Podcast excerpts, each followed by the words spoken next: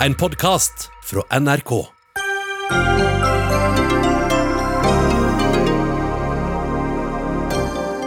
Stadig strengere tiltak verden over, og nå er nye krisepakker på vei i USA og Tyskland. Koronakrise og lave oljepriser, nå er tida inne for en grønn omstilling, sier MDG. Lite sensitivt overfor oljearbeiderne, produserer Høyre. Vi må være ærlige, matte er ikke spesielt nyttig, sier mattelærer. Sånt kan vi ikke si, svarer en som lærer opp framtidige mattelærere. Og både heiarop og kritikk til en sint kommentar om alle egoistiske joggere som ikke holder avstand mens svetten spruter. Joggere er ikke verre enn andre, svarer VG-journalist.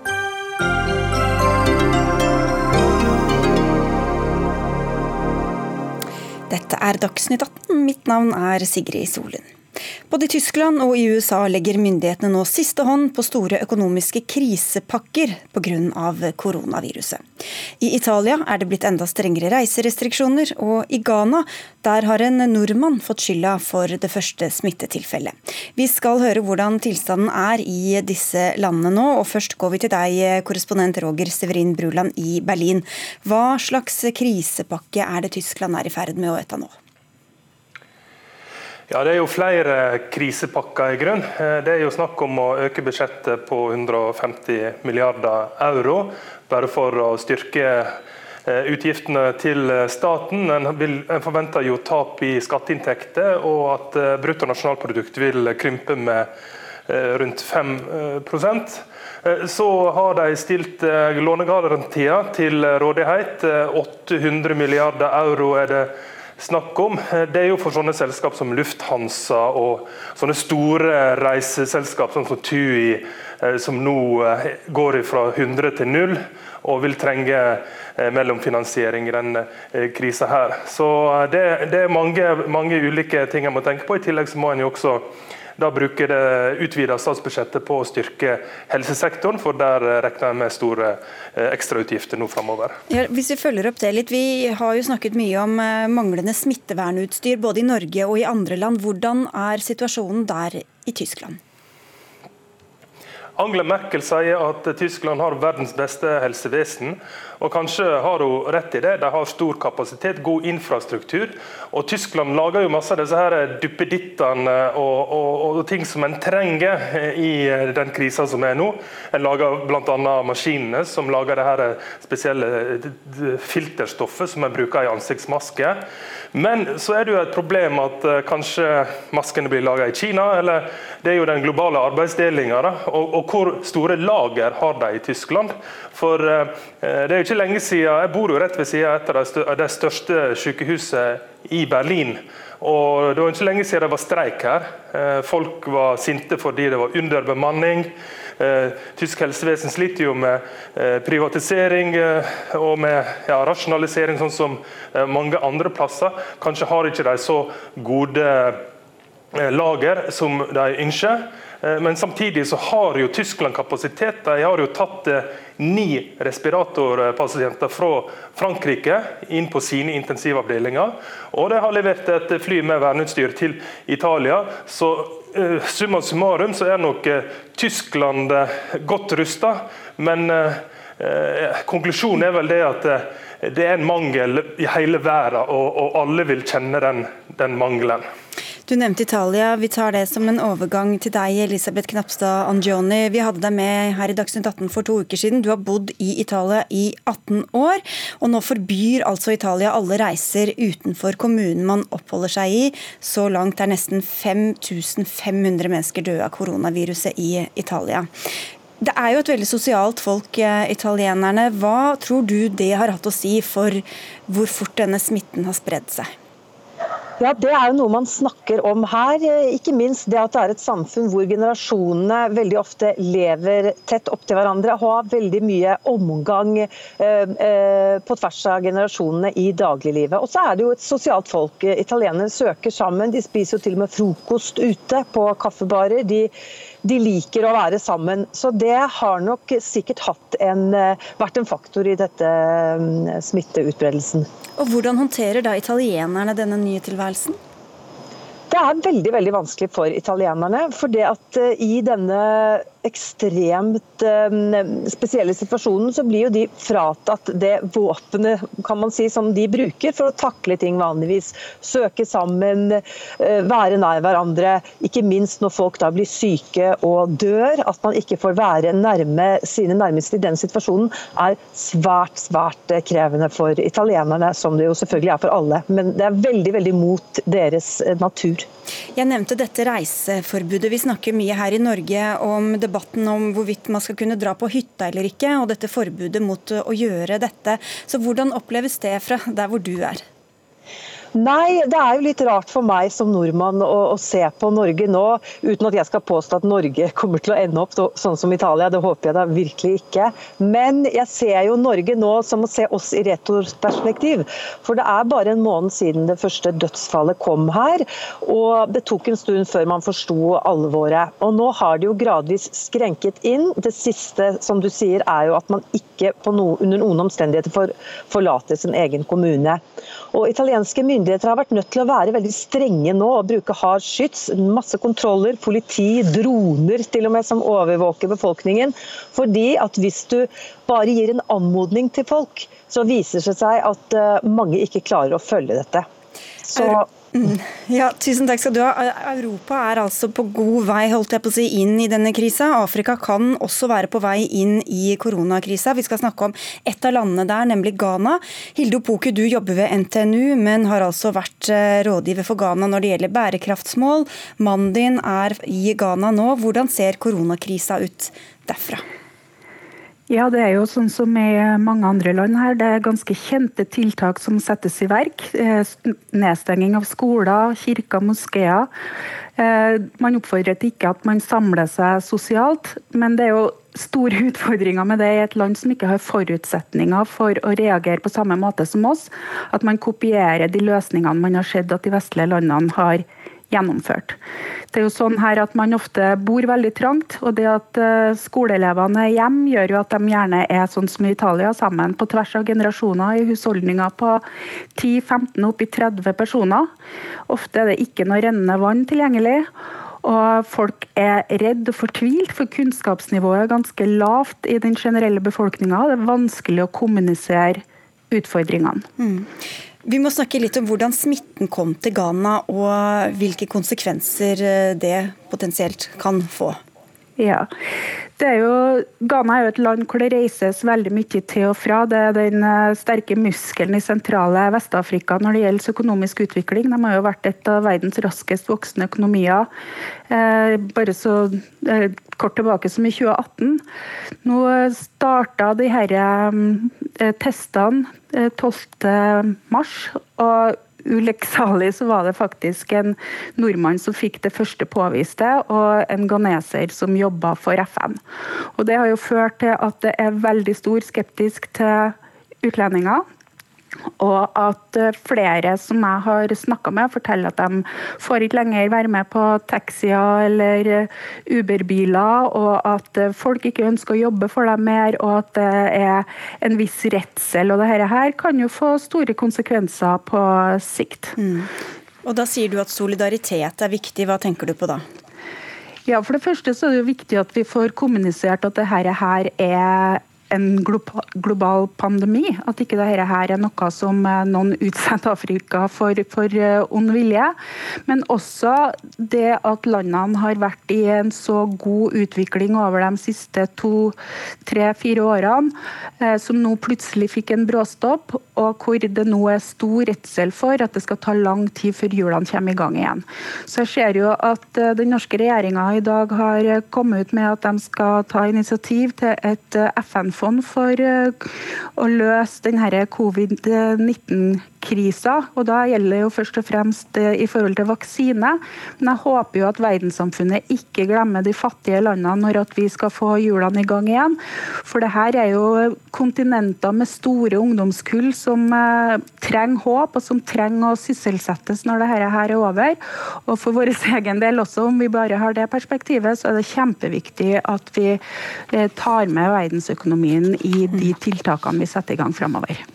Da skal vi se om vi har med oss Veronica Westrin i eh, Washington, korrespondent i USA. Hvor, hvor utbredt er smitten i USA nå? Nei, Her stiger smittetallene dramatisk. Det har jo vært venta siden det ikke har vært eh, utført eh, mange tester her. Og eh, smitten har fått bre seg i befolkningen. Så akkurat nå så er smittetall oppe i over 40 000. Det er nærmere 500 døde.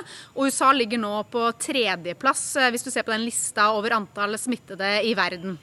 Og da er særlig New York hardt rammet. Hvordan preger det byen? Ja, New York eh, er den eh, byen der halvparten av smittetilfellene er. Det er nå rundt 20 eh, 000 smitta der, viser de siste tallene. Um, og der bes jo innbyggerne om å holde seg inne, i likhet med innbyggerne i veldig mange andre delstater. Uh, så det er jo rundt en femtedel av statene som nå har eh, innført eh, ja, en såkalt eh, stay at home order.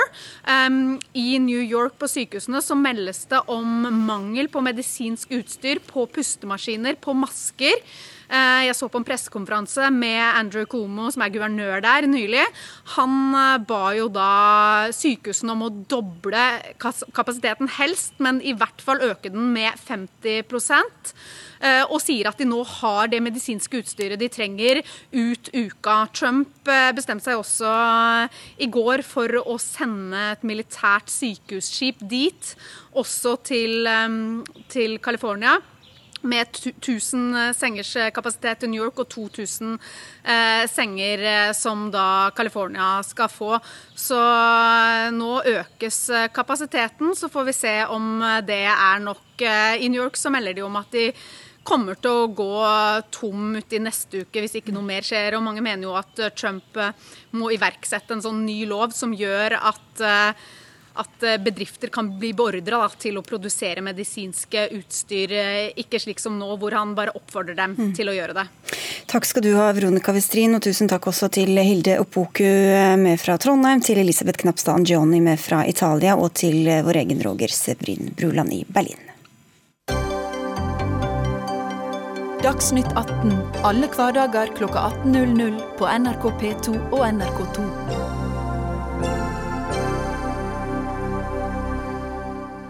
Den ene krisepakka etter den andre rulles nå ut for å holde koken oppe i diverse deler av nærings- og samfunnsliv. Men hvordan bør krisepakkene brukes? Skal de stimulere til grønn omstilling, eller skal vi først og fremst forsøke å holde liv i den industrien vi har, som en oljenæring som også må takle en svært lav oljepris? Arild Hermstad, talsperson for Miljøpartiet De Grønne, du tar til orde for en grønn omstilling samtidig med disse krisepakkene. Hvorfor er tida inne for det nå, mener du? Altså aller først vil jeg jo bare si at Den eh, situasjonen som vi står i nå, den er jo svært alvorlig. Eh, selvfølgelig både med pandemien, men også med de økonomiske utsiktene. Vi har over 200 000 som har meldt seg ledig på Nav i siste uken. og Det betyr at vi eh, må innstille oss på at vi får aldri den økonomien tilbake igjen. Dette er en varig endring i økonomien vår. Og da kan vi gjøre to ting. Det Enten så kan vi tenke at vi skal tilbake igjen til dit vi var, og prøve å investere alt som om vi kan gjenskape den økonomien vi hadde før. Eller vi kan tenke at dette her er en mulighet hvor vi også kan omstille oss, sånn at vi investerer midler på en måte som gjør at vi unngår en ny krise, og en ny krise som vil være like alvorlig som den vi har i dag. Og, hvor, og Hvordan skal dette skje? Hvordan skal dette styres da, mener du? Nei, eh, du kan si at De krisepakkene vi har hatt nå, og der skal regjeringen ha ros. Vi har hatt mange gode tiltak. Eh, så Eh, der går det med på å liksom si hvor grensene skal gå, og si at man også kan stille krav til de som får krisepakker. Særlig da oljenæringen, men også flynæringen. Men så er det jo det som også skal komme seinere. Hvis vi prøver å reetablere den økonomien vi hadde, så kommer vi til å gå oss vill. Og jeg vil heller høre på sjefen i Det internasjonale energibyrået, som sier at dette her er en historisk mulighet til å akselerere endringen fra olje og gass og over til de fornybare næringene. Og Det er den muligheten vi må gripe. Ja, hva sier du, olje- og energiminister Tina Bru, skal vi benytte anledningen? Vet du hva, Jeg er med på å diskutere grønn omstilling og hvordan vi skal få til det på best mulig måte omtrent når som helst. Men jeg syns jo timingen for dette utspillet fra MDG akkurat nå er litt spesiell. Eh, vi står nå i en tid hvor tusenvis av mennesker rundt omkring i hele landet får varsel om at de blir permittert. Mange er kanskje usikre på om de i det hele tatt har en jobb å komme tilbake til når vi er på andre siden av den veldig krevende situasjonen vi står i nå.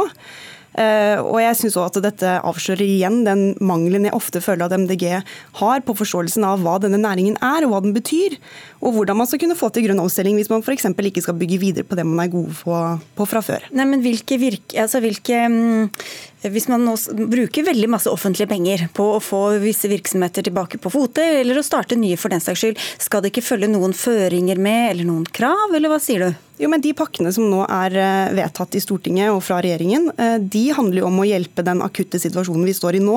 Altså Det handler jo om at man skal ha de arbeidsplassene som vi har hatt når man kommer ut på andre siden i denne veldig krevende tiden akkurat nå.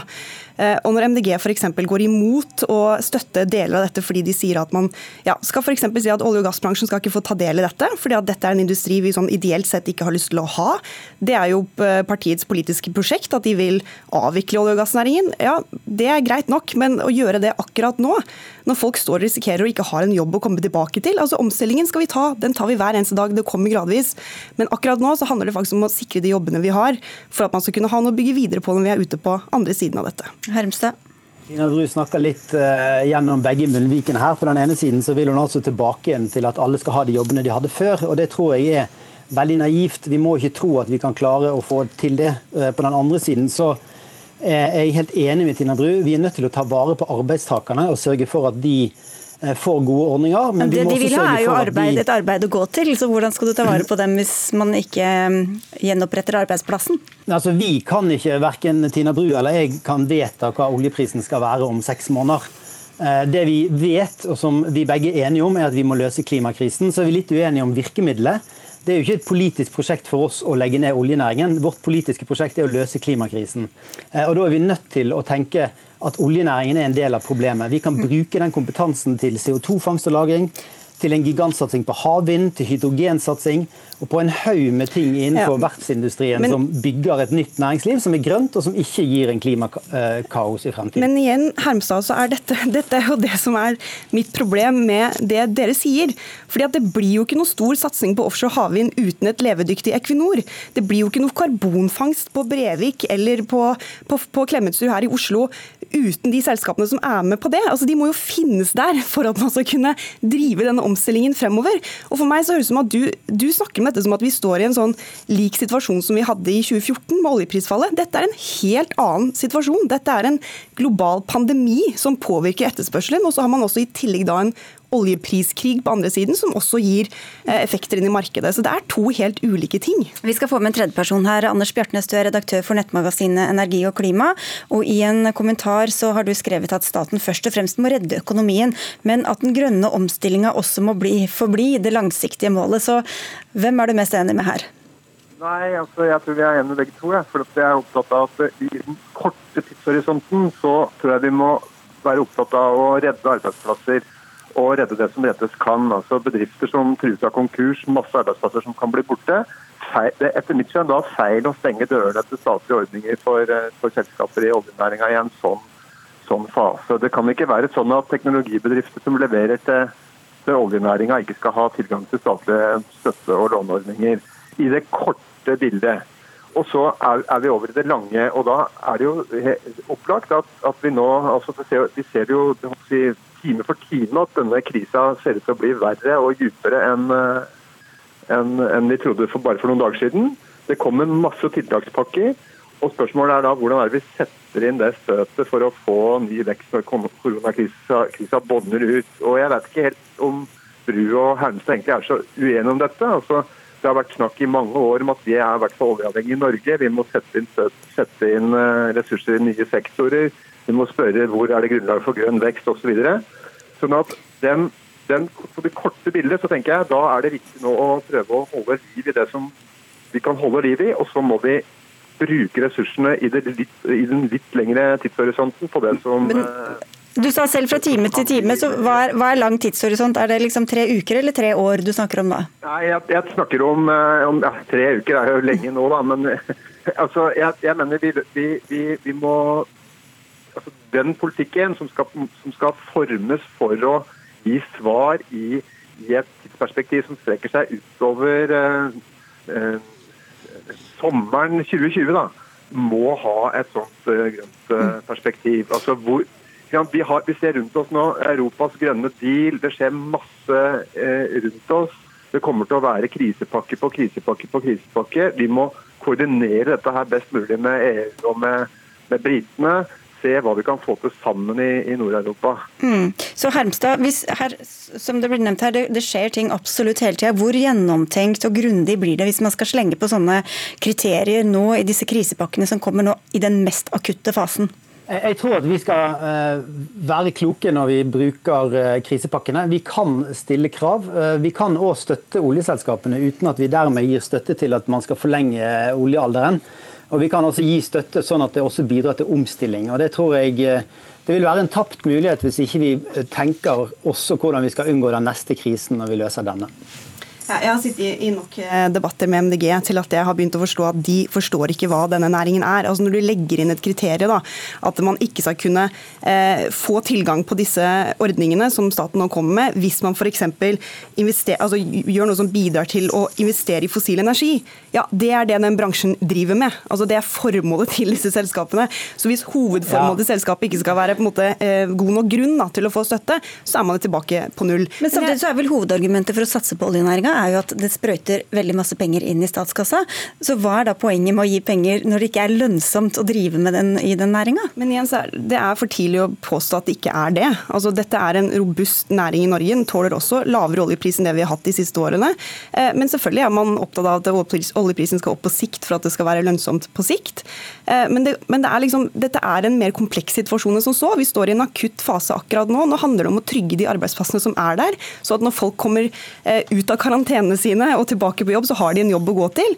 Så jeg, er egentlig ikke uenig med noe av det Anders Bjartnes sier. Jeg er heller egentlig ikke så veldig uenig med det som Hermstad sier. Men timingen for dette er bare helt utrolig merkelig. Vi står i en kjempekrevende situasjon. Dette er tiltakspakker som betyr noe nå for de arbeidsplassene som er der nå. Og så skal vi gjerne om å snakke om omstilling, men timingen er veldig rar på dette nå. Ja, litt dårlig timing. Ja, ok, ja, bare Hermstad får snakke om timinga først, så skal du få slippe til, Bjartnes. Jeg tror at vi skal Vi må bare ta inn over oss at vi har en veldig oljeavhengig økonomi. og Det er et problem for Norge som kanskje er særnorsk også i denne pandemien vi står i. og det betyr at eh, Problemforståelsen handler ikke bare om klima, men det handler også om at vi må omstille økonomien vår bort fra den oljeavhengigheten men, men mener du, som, som Tina Bru her sa, at, at hvis man er på et eller annet vis uh, har tilknytning til fossil energi, altså til olje eller gass, så skal man ikke få ta del i disse godene fra, fra myndighetene?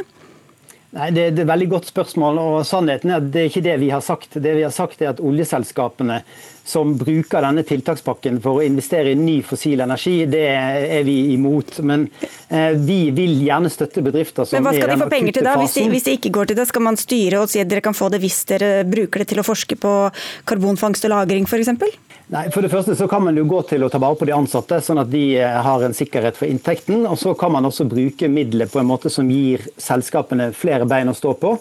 At man begynner å orientere seg mot eh, andre leverandører enn oljenæringen hvis man er i oljeservice. Eh, og De store selskapene som Equinor de har jo allerede begynt en omstilling bort fra olje. og Den mener jeg at krisepakkene må innrette seg sånn at det blir enda mer av det i fremtiden. Equinor bidrar til å fremme ny teknologi, men det er ikke det som skaper lønnsomheten i arbeidsplassene per i dag i denne næringen. Det er faktisk det at de utvinner olje og gass. Så vi må begynne der, og så får vi omstille oss etter hvert. Ok, Bjartnes, Det er vanskelig når alle sitter hvert sted. Men Bjartnes, hvilke potensielle eh, grep kan man ta nå som enten låser økonomien, eller sender den på feil eh, spor, uavhengig av hvilket spor man mener er feil eller riktig? Det er jo kjempevanskelig spørsmål å svare på. fordi at vi står i en situasjon som det er vanskelig å få oversikt over eh, hva som, eh, ja, hva som vil være rekkevidden av de, de, den krisa som vi står oppe i. da. Men jeg tror at vi skal være litt forsiktige med å tenke at oljen kommer tilbake igjen og, og blir superlønnsom. Det, nå har vi 30 dollar fatet. Det er og under det. Og, og Castberg-feltet som, eh, som da bygges nå i Barentshavet, det hadde en en sånn break-even-pris på, på, i underkant av 35 dollar. altså sånn at Med dagens oljepriser så er ikke det noe milliardeventyr for staten, sånn som, sånn som det ble spådd. Og Det vi kommer til å se nå framover, er jo store kutt i oljeselskapenes investeringer. og, og vi kommer til å se at Vi har sett allerede at det er meldt fra Aker BP, fra Shell og andre nå. Og Dette kommer til å fjerne mye etterspørsel fra, fra leverandørindustrien. og Spørsmålet blir jo om de da selskapene her, de store selskapene her også griper den sjansen som ligger i å, i å bli grønnere fortere enn det ellers ville ha, ha gjort. da, mm. I den situasjonen som, som vi står i. Det, vi vet også at bransjen er ganske god til det. for når vi hadde det forrige oljeprisfallet, så gjorde vi nettopp dette. Det var en ganske annen situasjon, men da gjorde vi dette. Det er nå 90 000 færre som jobber i den industrien. Men før denne krisen som vi står i nå inntraff, så var arbeidsledigheten rekordlav i Norge. Så vi er flinke til dette også. og dette er noe vi skal sikkert snakke veldig mye mer om i månedene som kommer. Takk for denne runden, Tina Bru, olje- og energiminister, Anders Bjartnes fra Energi og Klima, og til Arild Hermstad fra Miljøpartiet De Grønne.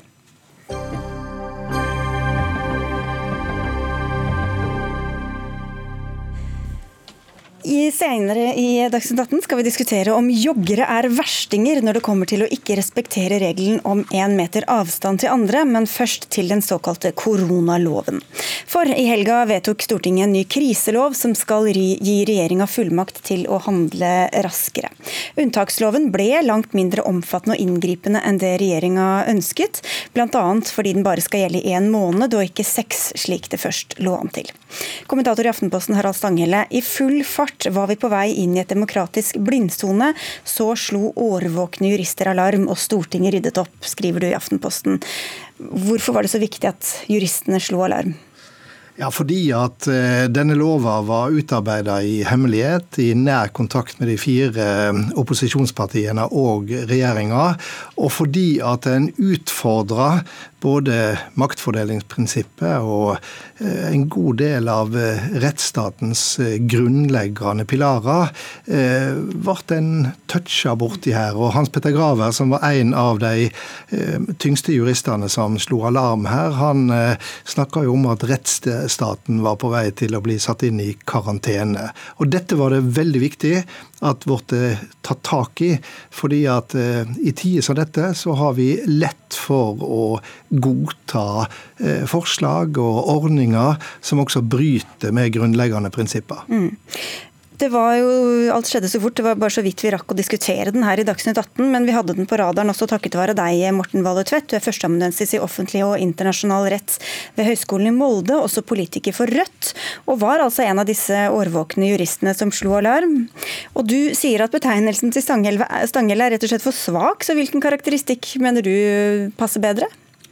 Ja, Vi var på full fart eh, inn i det vi må kalle for en demokratisk krise. Fordi, eh, fordi den første loven, slik den var, den ville gjort at Stortinget i en situasjon der hvor de ikke kan møtes i stortingssalen, de ville ikke kunne truffet noen beslutninger.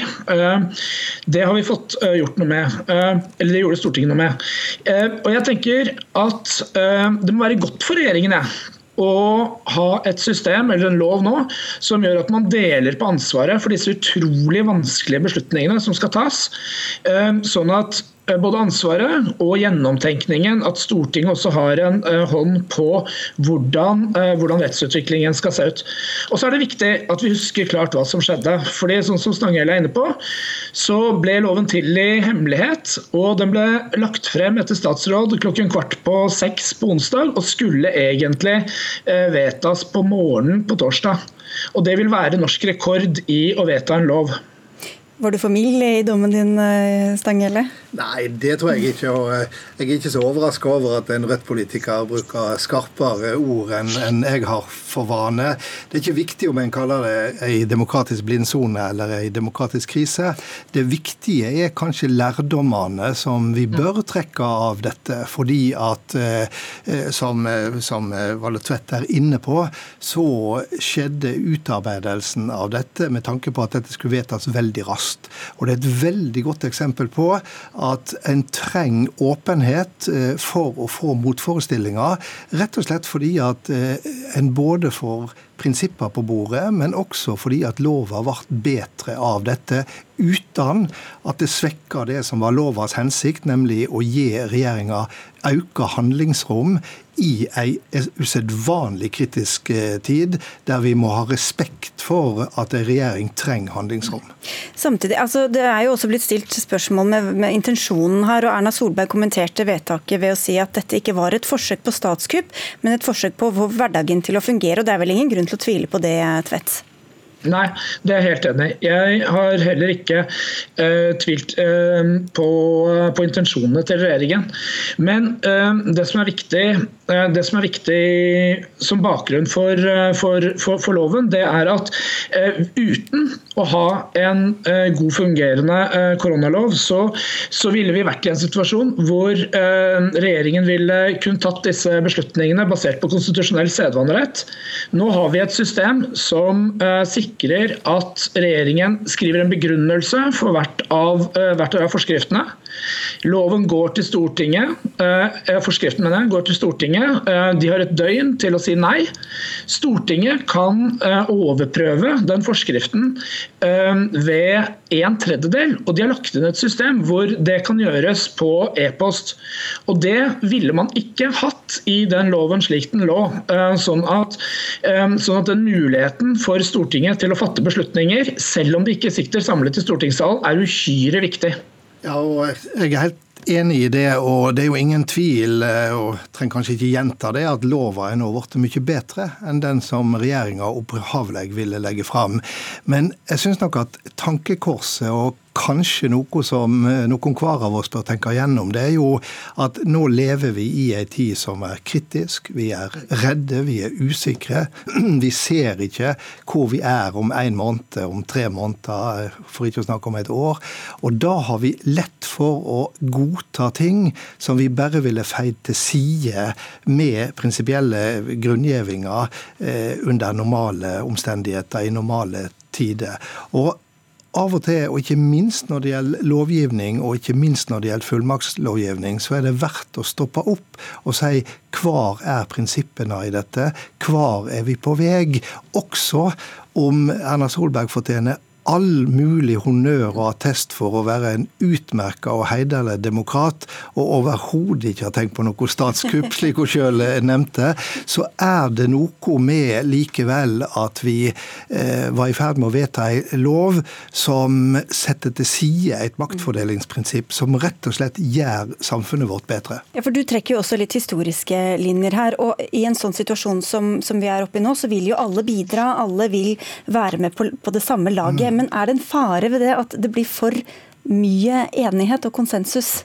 I en sånn type sak? da? Ja, da, altså Vi ser jo dette fra en rekke historiske eksempler. og Jeg trakk eksempler fra beredskapsloven i 1950, som gav fullmakter til regjeringa til internering av politiske motstandere, f.eks. Den ble stoppa eh, via en underlig allianse der alt fra eh, Høyre til, til, Norges kommunistiske parti var, var med i motstanden. Det ble kalt den svarte lova, og den ble skrevet om i Stortinget på samme måte som her.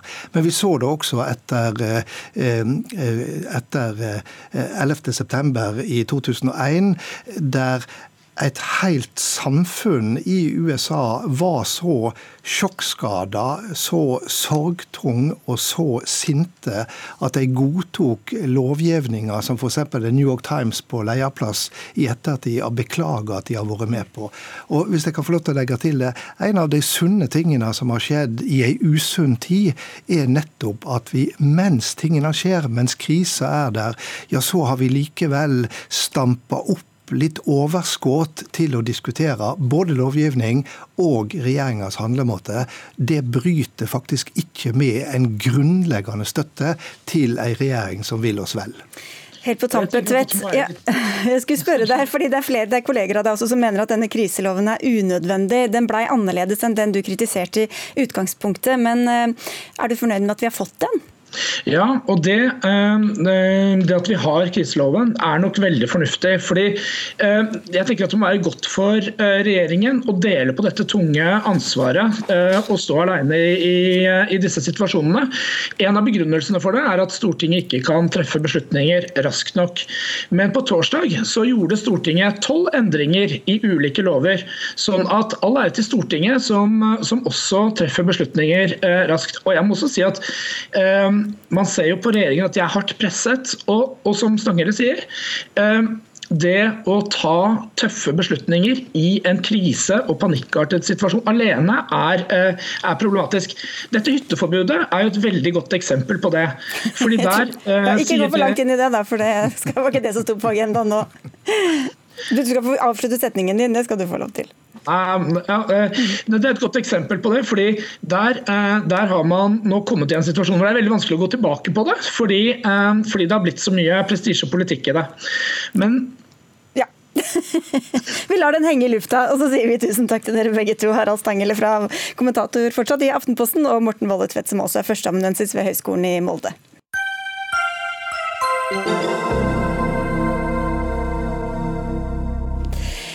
Mange sliter nå med de strenge tiltakene som skal forhindre spredning av covid-19. Og I dag ba helseminister Bent Høie alle nordmenn om å ha is i magen. Han sa også at de som tror våren kommer til å bli normal, vil bli skuffa. Siri N. Martinsen, du er organisasjonspsykolog ved Senter for stress og traumepsykologi. Og dere driver både behandling av privatpersoner og rådgir virksomheter som er i krise. Hvilke farer bør vi være oppmerksomme på nå i denne unntakstilstanden vi er oppe i? Det er jo eh, ulike farer, kan man si. Da. Det er i hvert fall ulike utfordringer til eh, ulike grupper. Eh, man kan jo si at eh, mange kan jo kjenne på både stress og, en følelse av å være overvelda i denne situasjonen, og man kan kjenne på både angst og bekymring og frykt. Eh, for virksomheten så er det vel kanskje primært ivaretagelse av de ansatte som, som eh, blir eh, et, eh, et, fokus. Det kom jo stadig nyheter. Nå Rett før sending så skrev VG at et internt Ahus-notat avslører at de forbereder seg på å få 600 intensivpasienter, altså bare på Ahus, Norges nest største sykehus. At toppen kommer til å komme rundt 17. mai. Hvordan skal vi forholde oss til å hele tida få sånne type skremmende nyheter? Jeg tror jo at uh, informasjon, i hvert fall det som går ut i, i, de formelle kanaler, er viktige for alle. Vi, vi, som mennesker vi reagerer ikke så godt på usikkerhet. Så selv om uh, nyhetene kan være skremmende eller dårlige, så er det kanskje bedre enn ingen nyheter. Men selvfølgelig så må man jo uh, forsøke så godt man kan da, å formidle informasjon på en konstruktiv måte. Mm. Vi vet jo også at, eh, at eh, slike nyheter da selvfølgelig kan vekke frykt eh, hos mange. Samtidig som andre vil tilpasse, tilpasse seg bedre nyheter slik som de kommer. Og det er jo en gang slik at De aller fleste av oss vil greie å tilpasse oss situasjonen på en god måte, men selvfølgelig vil mange også kunne kjenne på utfordringer i den forbindelse. Henrik Syse, du er filosof og forsker og er med oss på telefon hjemmefra hvor du sitter i karantene. Du var med i Dagsnytt 18 før de mest inngripende tiltakene ble satt i verk, og sa at vi skulle forsøke å ta dem i hvert fall med noe godt humør. Vil du si at vi har klart det så langt? Ja, de fleste synes jeg klarer det. Det er et godt råd stadig. Det er en måte å få det mest dramatiske litt på avstand på. Og så er det to andre ord som er veldig viktige oppi dette her, og det er begrepsparet forutsigbart og uforutsigbart. For vi lever nå i uforutsigbare dager. Vi vet ikke akkurat hvordan ting ser ut om to dager eller to uker, og vi vet at vi kanskje må endre på ting. Vi vet fra debatten vi nettopp hørte om fullmaktslovgivningen at vi kanskje plutselig må innføre nye bestemmelser. Men da er det så viktig at vi oppi den uforutsigbarheten også skaper en forutsigbarhet. Bare det i seg selv å vedta en slik unntakslov eller fullmaktslov er jo en måte å introdusere en slags forutsigbarhet og si at når vi må gjøre ting som er annerledes, så skal vi i hvert fall passe på følgende. Vi skal i hvert fall passe på at det er en forutsigbarhet og trygghet rundt det. Og det er jo noe vi for så vidt kjenner godt fra hverdagen også. Det vi kan tenke oss politiet, som av og til må gjøre ekstreme ting. Kjøre veldig fort i en eller annen biljakt. Men det må også være underlagt regler. Og vi vet det fra vår alles liv hvis eh, noe skjer som er dramatisk, noen er veldig syke, og da må vi sørge for å prøve å lage gode rammer rundt. Hvordan trøster vi, hvordan lindrer vi, hvordan passer vi på å lage rammer som er ordentlige, også når mye stormer. Martinsen, ehm, kan det også være en trøst å vite at eh, hvis man sitter hjemme og er nedfor og redd og føler seg ensom, at det er veldig mange andre i samme situasjon?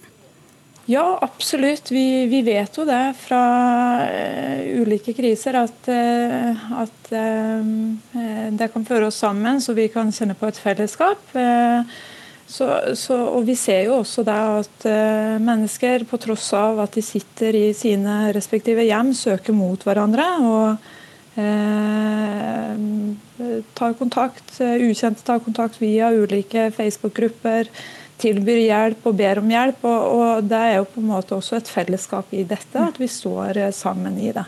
Samtidig Henrik Syse, så ser vi jo også, selv om vi skal ha dette fellesskapet, at det blir splittelse i eh, befolkningen. Det er et ganske høyt aggresjonsnivå på flere fronter. altså det, Enten det gjelder forflytning, hvor man skal kunne dra, eller det gjelder hytter, eller hvem som har skylda for alt dette, eller joggere, som vi skal diskutere litt seinere. Så hvilke fare er det også for at denne krisa kan skape splittelse i befolkninga? Jeg tror det ordet du er inne på er veldig viktig, nemlig dette med aggresjon. Og jeg tror vi alle skal forsøke nå å legge det bort. For det at vi har diskusjoner og debatt, det er ikke farlig. Jeg syns Stanghelle fikk det frem veldig fint i den forrige diskusjonen dere hadde. Nemlig at det at vi nå faktisk fikk til en grunnleggende ordentlig debatt om noe så viktig som fullmaktslover midt oppi denne dramatikken, ja, det er en styrke, det. Og det er helt greit at vi diskuterer hytter og for den saks skyld joggere, men jeg tror det vil tjene oss veldig hvis vi nettopp nå kan forsøke å legge bort noe av den aggresjonen. Mange har nok lagt seg til en litt aggressiv tone de senere årene også pga. sosiale medier, som på en måte gir et slags anonymitetens slør, hvor du kan slenge ut med det ene og det andre. Jeg tror nå vi skal være forsiktige med en debatt det skal vi ikke være redd for, og det kan være veldig nyttig, som den siste uken har vist oss. Martinsen, noen eh, kan jo debattere med andre på arbeidsplassen, de som fortsatt er der. Eller så sitter jo veldig mange hjemme. Hvilke ulike utfordringer har man, enten man da driver med dette hjemmekontoret, eller er permittert for den saks skyld, eller om man faktisk går på jobb? Jeg tror jo sånn gjennomgående, En gjennomgående utfordring er at uh, disse dagene er, har innebært en ganske stor omstilling for veldig mange. og uh, dette å være på hjemmekontor det kan jo selvfølgelig også være veldig utfordrende. Noen har barn som de skal undervise samtidig. og, og andre kjenner på at det er vanskelig å motivere seg selv når man skal ta kontroll over egen arbeidsdag. Vi, vi, har jo mange rammer i hverdagen som vi nå ikke lenger har. og eh, Det er nok av den grunn at eh, dette med struktur, organisere dagen sin og være litt bevisst på viktigheten av det, er, viktig. Henrik Syse, avslutningsvis her, du, jeg skjønner du prøver å være positiv, men er det noe du frykter at kan, altså utover selvfølgelig det helsemessige for mange mennesker, at kan skje eh, i løpet av denne krisa som vi er oppi og ikke vet hvor lenge skal vare? Ja, nettopp dette at vi kan få enkeltdebatter som kan bli veldig aggressive. Vi kan tenke noen uker frem i tid at man bestemmer seg for å åpne en del tiltak igjen, og så er det noen som er forferdelig uenig i det. Eller omvendt, at man gjør reglene strengere, og mange mener det hadde ikke vært nødvendig. og så tar det av på en måte som jeg tror eh, potensielt kan bli ganske ødeleggende for nettopp den fellesskapsfølelsen. Så vi må være litt på vakt alle sammen. Hodekaldt og hjertevarmt som vanlig. Takk skal dere ha begge to, Henrik Syse og Sirien Martinsen. Hør Dagsnytt 18 når du vil. Radio NRK Radio.nrk.no. Hvordan var det nå med denne algebraen igjen, for ikke å snakke om brøkregning eller ligninger med to eller tre ukjente. Det er nok mange foreldre som får mattekunnskapene sine satt på prøve i disse dager, mens de skal forsøke å hjelpe barna med hjemmeskole. Selv husket jeg ingenting av hvordan vi ganger og deler med negative tall. Jeg har jo ikke brukt det siden jeg lærte det selv på skolen. Og matte er ikke spesielt nyttig. Det var i hvert fall overskriften i et debattinnlegg i Dagsavisen med en litt overraskende avsender, nemlig deg, mattelærer Gro Anette Ludvigsen. Hvorfor mener du at mye av det du lærer bort, rett og slett ikke er nyttig? Jeg tenker at vi ikke bruker det Vi bruker det ikke i hverdagen så mye som mange tenker at vi gjør. da. Eh, at eh, vi bruker liksom pensum fram til 7. klasse. Og der, ikke sant, Vi må jo kunne pluss-minus gange dele, litt prosentregning, lese statistikk, eh, sånne enkle ting. Men x-er og y-er det er mange som ikke bruker i hverdagen. Ikke jeg heller. Så når du da får, har fått spørsmål i klasserommet hvorfor skal jeg lære dette, så Ja, ikke sant. Hva skal man svare? Hva, du, hva har du svart? Ja, ja, det er det. Eh, nei, hvis de spør om hva skal du med passeren, så det er jo en oppfinnelse fra 1500-1600-tallet eller noe, er ikke det? Eh, hva skal vi med det? Og det, det, og det var det som fikk deg til å skrive dette innlegget? Ja. Det beste man, eller det man bruker det til, er jo på en måte å stikke jentene med og så grave grop i pulten. Uh, ja. Og det trenger man ikke som voksen. Uh, Hanan Abdelrahman, du er høyskolelektor i matematikk og matematikkdidaktikk på Høgskolen i Innlandet, blant uh, mye annet. Dere har allerede diskutert dette på sosiale medier, men er matte egentlig særlig nyttig? Jeg syns matte er veldig nyttig, jeg, da. Og jeg tenker det handler om hvordan vi legger til rette for å gjøre det nyttig, da. Og jeg tenker Matta er jo mye morsommere når du presenterer det for elever og foreldre i en kontekst som betyr noe. Jeg f.eks. i tillegg til å være veldig entusiastisk mattelærer da, og høyskolerektor, så er jeg veldig turdame.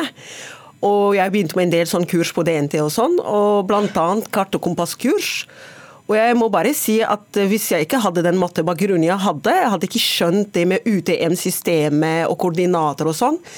Men det handler om hvis du bare presenterer koordinatsystemet som bare X og Y og loddrett og vannrett akse, da er det dritkjedelig, da er det nytteløst. Men jeg mener hvis du presenterer det som koordinater i et kart, da får det en helt annen mening. Og jeg ser ikke noe problem med å vise matematikken på den måten, da. Mm. Så det er ikke matten i seg selv som er problemet da, Ludvigsen? Nei, jeg tenker at det her er jo ikke x-er og y-er i den forstand. Det her er jo sånn som man Vi ser jo på kart, og det er liksom ikke matematikk i den forstand da, som jeg tenker at matematikk er. Eh, og så prøver vi liksom å gjøre det veldig eh, Hva heter det for noe? Virkelighetsnært, da. Og da, Det var en eksamen eh, hvor det var noe sånn traktor, husker jeg. og så, liksom, Hvor mange ganger kommer det hjulet til å snu rundt før bonden er borte på låven? Mm. Og da tenker jeg de skjønner at uh, her skal vi lure dem til å regne ut uh, diameter og pi og alt dette her. Det skjønner de. Uh, det blir ikke noe morsommere selv om det er traktorhjul. Og jeg tenker sånn, bønder er smarte nok til å vite at vi må bort der uansett og mate dyra. Sånn ja, for det har, det, er... ikke noen praktisk konsekvens, Nei, det sier du da. Det, det, det, man lærer etter sjuende ja. trinn, så er det, ja. bare, det er bare teori og ikke noe, ja. ikke noe, man egentlig har noe bruk for. Mm. Men, men, du kan si at vi trenger jo realister, vi trenger jo økonomer, leger. Eh, alle, ikke sant? Vi, vi kan jo ikke ha eller Jeg er jo veldig tilhenger av at ungene skal lære matematikk. Jeg vil at de skal begynne med mye vanskeligere ting når de er yngre. Men eh, jeg tenker sånn i hverdagen, da. Så, ja, sånn som jeg skrev i, eh, der med å lage var det vaffelrøv eller pannekaker? Ja, jeg fikk kjeft for at man skulle egentlig ha i mel etter melk. ja, ja, ja. Så jeg fikk kjeft for at jeg kan det faktisk ikke. Men, Nei, nettopp. Men det man egentlig trenger er bare litt sånn forhold, eh, forholdstall osv. Men, men jeg tenker, nå, nå, skal jeg krangle med deg litt her, Gro. fordi jeg, du skrev det er nyttig å kunne lage pannekaker uten oppskrift, men er det skadelig å kunne lære oppskrift? På en måte. Er ikke det bra egenskap egentlig å lære dem å regne seg til en oppskrift? da? Så får folk velge sjøl hva som på en måte blir relevant for dem. Men for Du sier at dette handler ikke bare om mattestykkene heller, men hele tankegodset. altså at man skal, Hvordan man tilnærmer seg et problem når man bruker matematikken. Nettopp. fordi jeg tenker også bare gå til eh, studentene mine og si at matte lærer studentene mine matematikk. Da også si matte er ikke spesielt viktig. Hva skal vi med Pythagoras? Absolutt ingenting. Eh, når kommer vi til å trenge en passer? Aldri kaste den i søpla. Personlig økonomi er bare dopapir, selv om dopapir er viktig i dag, da. Men jeg tenker, altså, det er vi lærere. Det er vår mandat, vårt mandat å gjøre det relevant og viktig. Og jo, jo, jo, jo mer du klarer å skape kontekst da, rundt faget, jo morsommere det blir. Og eh, ja, det er ikke sikkert de bruker det sånn direkte, men ja, hvilket signal er det du sender når du som mattelærer sier at du trenger egentlig ingenting av det jeg eh, lærer bort?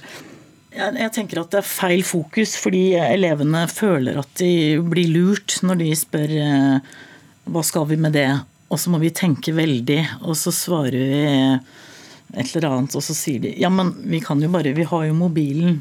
Og så når, de, når vi har problemer med å svare på det, da tenker jeg kanskje de har rett. Men Det var en av dem som svarte på innlegget ditt som pekte på alle yrkene som faktisk trenger matte, nemlig mange yrkesfaglige utdannelser. Oh ja, sånn, tømrerne, blikkenslagerne, hvor skal oh ja. de, de trenger passeren? Ja, ja. Så det her er i dagliglivet. Ja. Du kan si at uh, når man velger en linje? De går jo på høyere videre ja. Uh, og det er klart at ja, de trenger det i sin utdannelse. Kanskje ikke å derivere. Det er mange snekkere som Hva skulle jeg med det, liksom?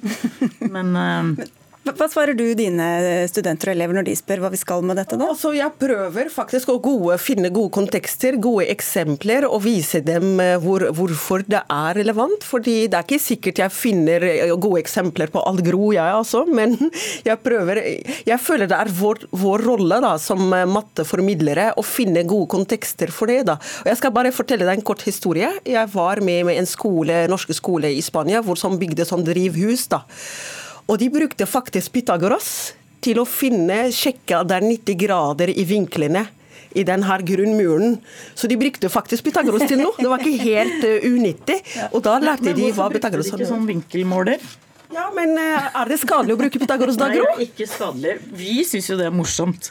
Men jeg tenker snekkere de begynner ikke å regne kvadratroten av hypotenusen. Du er ikke bare litt matlei? Eh? Vil du ikke snakke om mattelei, eller? Nei, jeg elsker matematikk, da. Og vi skriver jo begge to lærebøker, og vi brenner jo for dette. Men jeg, men jeg mener at hovedbudskapet mitt da, det er at uh, hvis vi fokuserer for mye på nytteverdien, og, og, de ikke får det til, og de selv ikke forstår nytten, da er det så mange som syns det er meningsløst og dumt, og da gidder ikke. Det er bare tull. Det er de som sier det. Så litt mer magi inn i mattefaget? Ja. Okay. Jeg støtter Gro i noe, fordi jeg syns det du skriver sist om uh, den flotte beskrivelsen om at matte er litteratur, og algebra sjanger, og uh, regninga er som det, det, den her støtter jeg, forresten. Ok, Da fikk vi litt enighet på slutten. Takk skal dere ha begge to, eh, Gro Anette Ludvigsen og Hanan Abdelrahman, begge to mattelærere.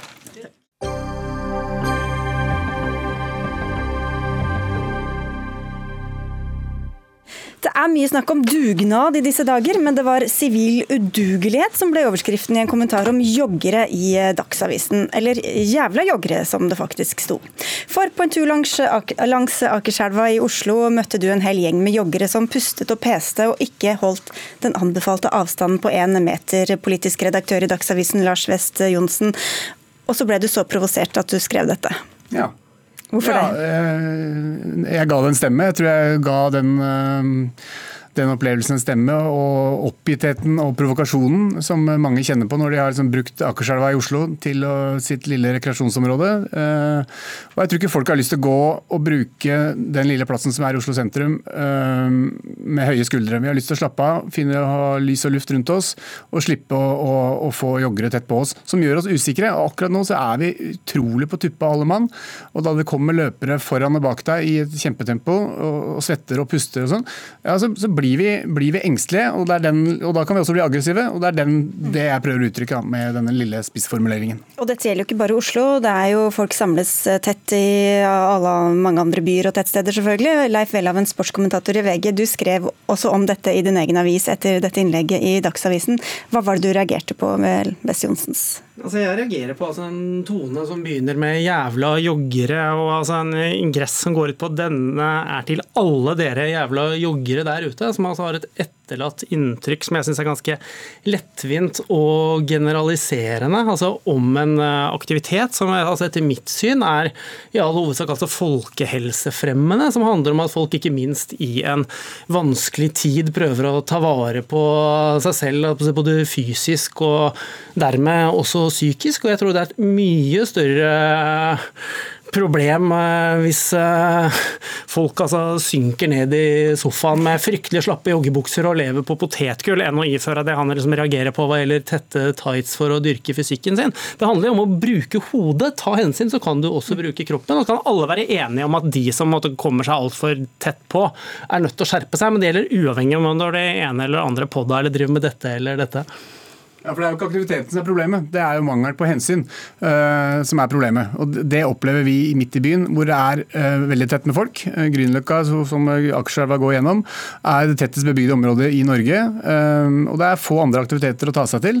sånn at da joggerne da kommer tett på, så, så blir folk irriterte. Og jeg har fått utrolig mye respons. Jeg har fått mye pepper i dag òg, men også ekstremt mye tilbakemeldinger på folk i byen som syns dette har vært veldig godt å få ut. Ja, For det er vel annerledes om du jogger og og svetter og puster og harker, enn om du på en måte går en rolig tur på hvor eh, tett du kommer og hvor helsefarlig det er for de andre rundt deg, da, Welhaven? Det er noen år siden jeg bodde i byen. Jeg er sikkert ikke detaljkjent på alle disse stiene, men jeg har løpt mye i byen tidligere. og fra Min erfaring er at i aller fleste områder er passasjen ganske god. og Der hvor jeg har ferdes disse ukene, har jeg ikke opplevd det som noe problem at folk eh, velger å trene. Jeg tror det er et like stort problem at folk med veldig lav fart stimlet sammen i sola på populære utfartssteder eller eh, satt og drakk øl. Det er det vi må slå ned på. Problemet er som at Johnsen velger altså en tone som oppfattes eh, i en tid som er, altså er krevende for alle, setter min syn ganske sånn ufin og utidig og som, som skjærer altså, veldig bredt. Og om det er liksom noen avgrensende setninger litt, altså litt, litt, ned i saken, så opplever jeg at vi kanskje heller bør snakke mer om hva vi kan tillate oss i, det, altså, i denne tiden, enn å, enn å kverne på en, en, gruppe som faktisk er ganske sunne, på den måten uh, Dagsavisens redaktør her gjør. Ja, nei, altså Hvis man ikke hadde satt det litt på spissen, så hadde vi sannsynligvis ikke sittet her og hatt denne samtalen. eller diskusjonen lurte oss, som vi har nå. altså. Ja, jeg lurte dere utpå. Nei, jeg gjorde ikke det. Men det er jo et, en ingress i en journalistisk produksjon. er jo for å Men lokke folk alle, til seg. putter jo alle joggerne i én bås Nei, jeg som. Min scene er jo Akerselva. eh, Og da folk liksom er forbanna på meg som bosatt på, i Kristiansund. Jeg syns det er fint at folk jogger. Jeg er helt enig med Welhaven om at vi skal bruke kroppen. Det er ikke noen grunn til å sitte inne mer enn det som er nødvendig. Vi er nødt til å liksom ha motstandskraft. Men de folka som jogger på, i Akerselva, ved Akerselva i Oslo Ok. de tar ikke nok hensyn. Nå kjenner jeg allerede at vi får masse kritikk fra hele resten av landet. Vel, av en prøve Men så er det også noe med at det er greit å spissformulere, men på en eller annen punkt så må det liksom være dekning for hva man skriver. Altså for så skrives det da liksom menn joggeturen, nei joggerutinen må faktisk eh, ryke. og Da er det eksempel altså grunn til å melde om altså Preben Aavitsland, professor ved Folkehelseinstituttet, har i sosiale medier for eksempel, altså vært helt eh, tydelig på budskapet 'jogg i vei', men, altså, men hold eh, avstand. Og der, Hvis han hadde altså tatt for seg utelukkende de, altså de situasjonene, men problemet er altså det etterlatte inntrykket, som jeg, som jeg tror egentlig er noe annet enn eh, det Johnsen prøver å få fram. og Han har jo en stil som jeg så ofte er veldig velformulert og spissformulert, og det er jo sikkert også meningen, men hvis litt at hensikten er å ta for seg at folk er litt på, tur, på tuppa, at dette er krevende, syns jeg det er unødvendig å ty til altså den type retoriske virkemidler altså mot sysler som faktisk eh, gjør deg faktisk i bedre og fysisk og psykisk stand til å takle en krevende hverdag. Ja, men Det er mangel på hensyn da, som gjør at jeg blir provosert, og mange med meg er blitt provosert. Eh, og Da må man ta det hensynet, enten man er gåer, løper eller polkøståer eller close talker i alminnelighet. Vi må ta hensyn til hverandre. og Det er liksom kjernen her. da. Det er vel joggerne som pleier å være ute og løpe, da, som plutselig må manøvrere seg mellom masse andre mennesker som ikke pleier å være ute på tur? Eh, ja, og det er jo logisk at folk er ute nå og får de timene med dagslys og sol som de kan få. Det er viktigere for folkehelsa i det store bildet enn at noen beholder joggerutinen sin langs sjakkskjelva. Og så er det viktig å si, i gatene er det ikke biler akkurat nå. Det er masse plass å jogge på, og man ikke liksom er nødt til å liksom kjøre slalåm ned Akerselva. Det er litt merkelig resonnement at hvis hastigheten du beveger seg i skal liksom gjøre at du har en eller annen sånn fortrinnsrett til å bruke de mest eh, populære turområdene på ulike tidspunkter. Altså det, det er mulig å vri altså helt på res- resonnementet at hvis du har en sti av en viss bredde, så kan du spørre hvorfor en gruppe på fem, seks eller syv er nødt til altså, å bruke hele bredden og vingle frem og tilbake. Det hadde vært fullt mulig å ha et, altså et system hvor vi, hvor vi har respekt for hverandre som går i begge retninger, hvor det faktisk også er mulig å ta hensyn, eh, altså hensyn til dem som har på seg tights like mye som den som har på seg olabukser. Ok, Så husk å gå til eh, høyre, og skal du løpe forbi, så gjør du det på venstre side. Og vær oppmerksom på omgivelsene rundt deg. Det er vel generelle regler som gjelder også i disse koronadager. Takk skal dere ha begge to, Lars West Johnsen fra Dagsavisen og Leif Welhaven fra VG. Dagsnytt 18 er over for i dag. Anne Katrine Førli, Hans Ole Hummelvold og jeg, Sigrid Solund, takker for følget.